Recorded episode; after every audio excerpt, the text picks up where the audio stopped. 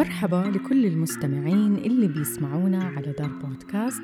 معكم بسمة وهذه سلسلة بودكاست freelancers guide بنصنع محتوى لدعم ال freelancers عشان يبدأوا their own business. موضوعنا اليوم حنتكلم عن كيف تصنعي محتوى لمشروعك.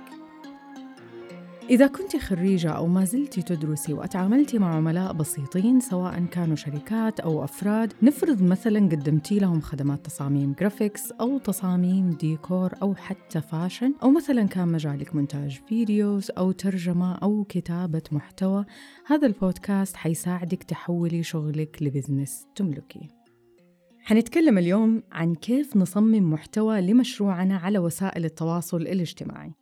صناعة المحتوى لنا إحنا أصحاب العمل الحر هي من أهم الأدوات اللي بنستخدمها عشان نسوق لنفسنا ونسوق لخدماتنا وهي الواجهة الأساسية اللي عملائنا يشوفونا فيها. مهم جدا إننا نختار المحتوى المناسب اللي بيساعدنا إننا نعطي انطباع جيد لعملائنا المحتملين لأنه كل زائر أو متابع لحسابك هو عميل محتمل وحسابك على مواقع التواصل الاجتماعي وحتى موقعك الشخصي هي واجهتك الأساسية اللي بيشوف العميل فيها إيش أنت تقدري تقدمي له. بالضبط زي لما تدخلي مثلا محل لبيع العبايات وانت تتوقعي إيش حتشوفي في المحل حتشوفي ألوان وموديلات وأشكال متنوعة تقدري منها تختاري اللي يناسبك منها كعميلة. عشان كذا حسابات المشاريع بتختلف تماما عن الحسابات الشخصية. في حساب مشروعك المحتوى موجه بشكل كامل لعميلك المحتمل بتعرضي فيها نماذج من أفكارك من أعمالك من تصاميمك بتعرضي فيها المحتوى اللي بيساعد عملائك المحتملين إنهم يقرروا يشتروا منك أو لا هل حاجتهم وضالتهم اللي بيدوروا عليها عندك أو لا؟ هل حتقدري تساعديهم في حل المشكلة اللي عندهم أو لا؟ ومن أكثر الأخطاء اللي بيقعوا فيها حسابات المشاريع إنهم يشاركوا فيها بمحتوى عن حياتهم الشخصية أكثر من الخدمات اللي بيقدموها صور من حياتهم الخاصة أو صور من رحلاتهم صور لأنشطتهم اليومية. فلما يجي العميل المحتمل اللي جالس بيدور على خدماتك بيلاقي إنه الحساب أغلبه عنك أنت وخدماتك بالنسبة له ما هي واضحة. فطبيعي جدا إنه تكون ردة فعله إنه يطلع من صفحتك ويبحث في مكان آخر. وفي المقابل والعكس تماما حسابات المشاريع اللي ما فيها أي شخصية وراها. بمعنى إنه تشوفي الحساب حساب مشروع بدون أي اسم اللي بيدير الحساب أو اسم صاحب المشروع ما هو موجود بنلاقي إنه الحساب جامد جدا. وحتى لما نيجي إحنا كعملاء بنسأل عن خدماتهم في الخاص بيكلمونا مثلا بصيغة الجمع وبصيغة جدا رسمية. ما بقول إنه هذا الشيء سيء لأنه أحيانا بعض أنواع الأعمال التجارية بتناسبهم الصيغة الرسمية وبتعطيهم طابع احترافي. وكمان لأنه أحيانا المشروع الواحد بيديره فريق مثلا فما عندهم شخص اسم معين يمثل هذا المشروع فيتوجهوا إنه يكون المشروع بشخصية مستقلة. وزي ما قلنا إنه بتناسب أنواع معينة من مجالات المشاريع. ولكن في بعض مجالات المشاريع هذا النوع من الاحترافية والجمود ما يتماشى مع طبيعة العمل. خصوصا لو كان طبيعة المشروع إبداعي تصاميم رسم كتابة ترجمة إنتاج مرئي إنتاج صوتي تدريب. في هذا النوع من المشاريع الناس بتفضل إنه تتكلم مع الشخص اللي حينفذ لهم الخدمة وياخذوا ويعطوا معاه عشان يوصلوا للنتيجة اللي ترضي الطرفين. طيب السؤال الآن قد إيش أنا أضيف من شخصيتي للمحتوى عشان نوصل للتوازن ما بين احترافية عملي وشخصيتي في الحساب؟ من رأيي الشخصي أنا أشوف إنه هي نسبة وتناسب. مهم جدا إنه الناس تتعرف عليك كشخصية أو كصاحبة آه، العمل أو المشروع لأنه هذا الشيء حيزيد من ثقتهم فيكي ويحسوا إنهم قريبين منك كأنهم يعرفوكي يعني مثلا بالنسبة للإنستغرام تقدري تشاركي الناس عن يومك وعن اهتماماتك في ال story وتخلي ال post تكون مرتبطة بمشروعك بالمواضيع اللي تهم عملائك. أنا في رأيي هذه طريقة جيدة إنه أنت توازني ما بين شخصيتك وبين مشروعك ومنها راح يكون سهل عليكي إنه تسوي محتوى جاذب وكمان متوازن.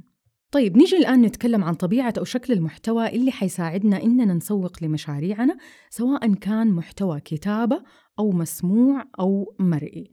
اختيارنا لنوع وشكل المحتوى بيعتمد تماما على مجال المشروع. مثلا في المحتوى اللي بيعتمد على المعلومات وغالبا هذا المحتوى يكون إما مكتوب أو مسموع. هذا بيخدم الناس اللي مشاريعهم مثلا تدريب طبعا التدريب بكل مجالاته استشارات آه، كتابة إبداعية تحرير تراجم. بيعتمد هذا النوع من المحتوى على المعلومات الجديدة والمفيدة اللي أصلا بنقدمها للعميل على شكل خدمات. وفي المقابل عندنا المحتوى المرئي. هذا بيخدم الناس اللي مشاريعهم تصاميم رسم تصوير سواء كان فوتوغرافي أو, فيديو آه، أو مونتاج بأنواعه. الإبداع في هذا النوع من المحتوى المرئي مهم جدا.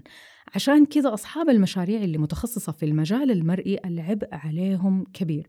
لأنه المحتوى اللي بيقدموه لازم يكون من أعمالهم الشخصية.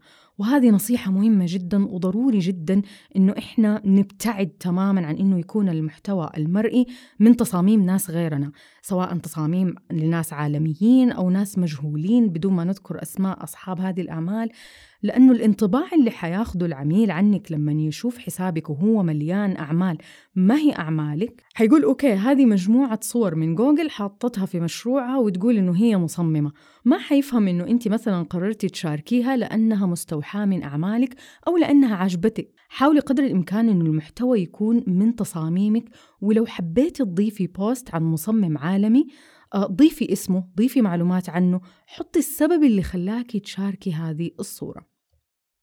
ولو مثلا كان عندك تصميم مستوحى من فكرته حيكون رائع جدا إنك تضيفي على اسمه وتقولي إنه هذا عملك مستوحى من المصمم العالمي. حاولي إنه توسعي مداركك في مساحة الإبداع في التصاميم اللي تعرضيها في حسابك لأنها هي واجهة لعملك وواجهة مشروعك.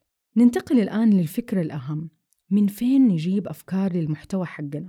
خصوصا إنه إحنا لما نوصل لمراحل متقدمة في مشروعنا حندخل في دوامة إنه خلصت الأفكار من راسنا. من فين نجيب أفكار جديدة؟ هنا لازم نشحذ عندنا مهارة البحث والاطلاع على كل جديد في مجال أعمالنا. أنا مثلا في مجالي اللي هو مجال تطوير المشاريع واحدة من أهم مصادر المحتوى عندي الاطلاع سواء كنت يعني مثلا أقرأ كتاب أو أسمع بودكاست في مجالي أو أشوف فيديو على اليوتيوب أو مثلا أقرأ وأتابع المواقع المفضلة عندي. أعطيكم مثال من حلقات البودكاست اللي أنا سويتها. مثلا عندي حلقة كيف ندير مشاريعنا مع أزمة كورونا.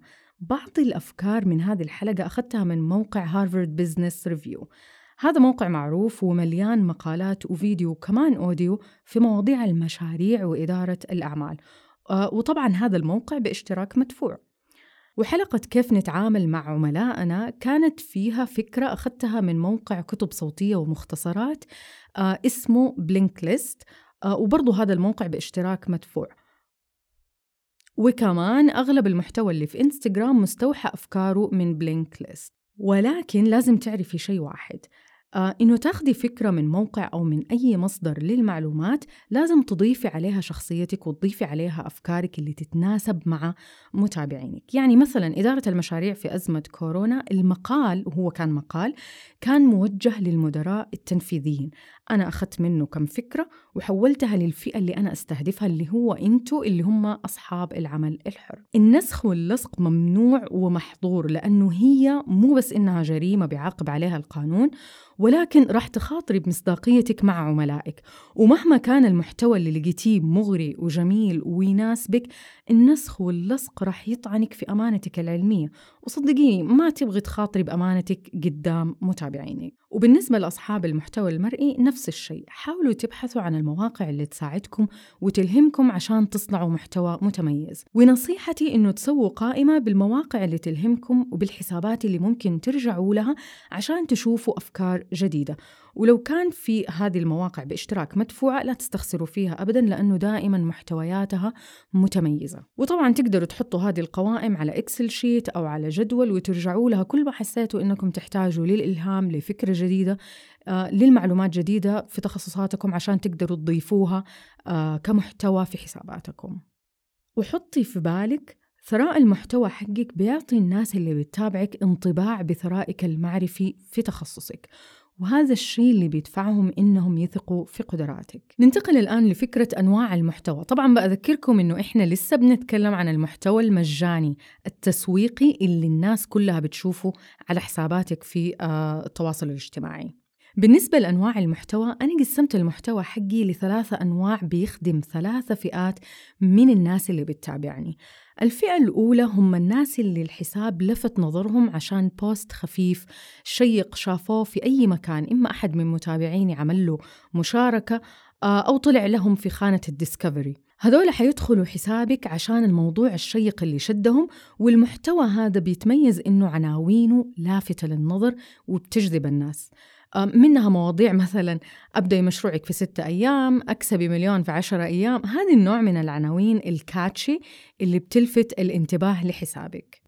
أعطيكم مثال واحدة من البوستات عندي في إنستغرام كان عنوانها أخلاقكم تجارية وعلامة استفهام. محتوى هذا ال post أصلا بيتكلم عن أهمية الأخلاق والقيم في التجارة الإلكترونية ولكن كان العنوان لافت جدا وجاء عليه engagement مرة عالي. ومن ناس أصلا ما هم متابعيني. هذا النوع من المحتوى تستخدميه لما تبغي تستهدفي إنه الناس فقط تشوف حسابك وبعدها هم يقرروا يتابعوكي أو لا. الفئة الثانية الناس اللي بتتابعك وعاجبهم المحتوى المجاني اللي انت بتضيفيه. يمكن يشوفوا معلوماتك قيمة يمكن يلاقوا فيك إلهام وتشجيع ودافعية. تلاقيهم بيسووا like وبيعلقوا وبيتفاعلوا مع كل post بتنزلي ولكن ما هم محتاجين لخدماتك.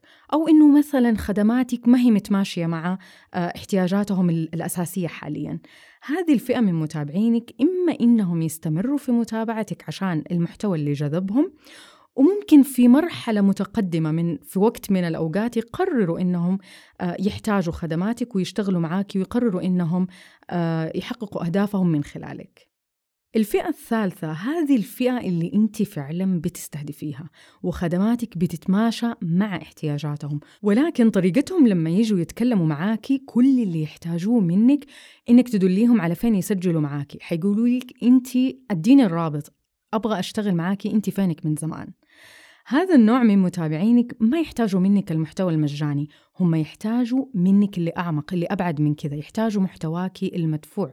يحتاجوا الخدمة اللي أنت بتقدميها لأنها بتحقق لهم حاجاتهم وبتحقق لهم أهدافهم. وفي هذه المرحلة لازم وضروري تكوني جاهزة أنك تساعديهم سواء بمعلوماتك بمهاراتك بتصاميمك بإبداعك. هذه الفئة هم اللي إحنا أصلا بنشتغل عشانهم وهذه الفئة اللي إحنا نبغاهم يجوا على حساباتنا وعلى مواقعنا الشخصية. وحطي في بالك إنه مهم جدا إنه تكون تجربة كل عميل معاكي هي تجربة متميزة وتجربة فريدة. ونصيحتي لا تخلي المحتوى التسويقي ياخذ من وقتك أكثر من شغلك الأساسي ومن المحتوى المدفوع اللي أنت بتصمميه. حاولي قدر الإمكان إنه كل عملائك يطلعوا بنتائج مو بس ترضيهم إلا نتائج تبهرهم. عشان لما يحتاجوا لأي خدمة تكوني أنت دائما خيارهم الأول. وكمان عشان يوصوا الناس اللي زيهم إنهم يتعاملوا معاكي وبكذا تبني علاقة جيدة ومثمرة مع كل عميل من عملائك. آخر فكرة حنتكلم عنها في حلقة اليوم اللي هي جدولة نشر المحتوى وللأمانة هذه من الأشياء اللي أنا إلى الآن بحاول إني أنجزها. وصدقوني أعرف وأتفهم لما تجيني أي وحدة وتقول لي أنا ماني قادرة أمشي على جدول لنشر المحتوى حق مشروعي. خصوصا إنه أغلبنا نشتغل في مشاريعنا بنفسنا وما عندنا فريق يشيل عننا الأشياء الصغيرة اللي تلهينا والأشياء الغير مهمة. اللي بقول لك هنا إنه حطي في بالك إنه هذا مشروعك أنت وأنت الرئيسة فيه وانت اللي تقرري اللي يمشي واللي ما يمشي وكيف يمشي. لا تضغطي على نفسك كثير ولا تأنبي نفسك آه، بسبب بوست ما نزل في موعده مثلا أو زي حالتي حلقة بودكاست ما نزلت في موعدها.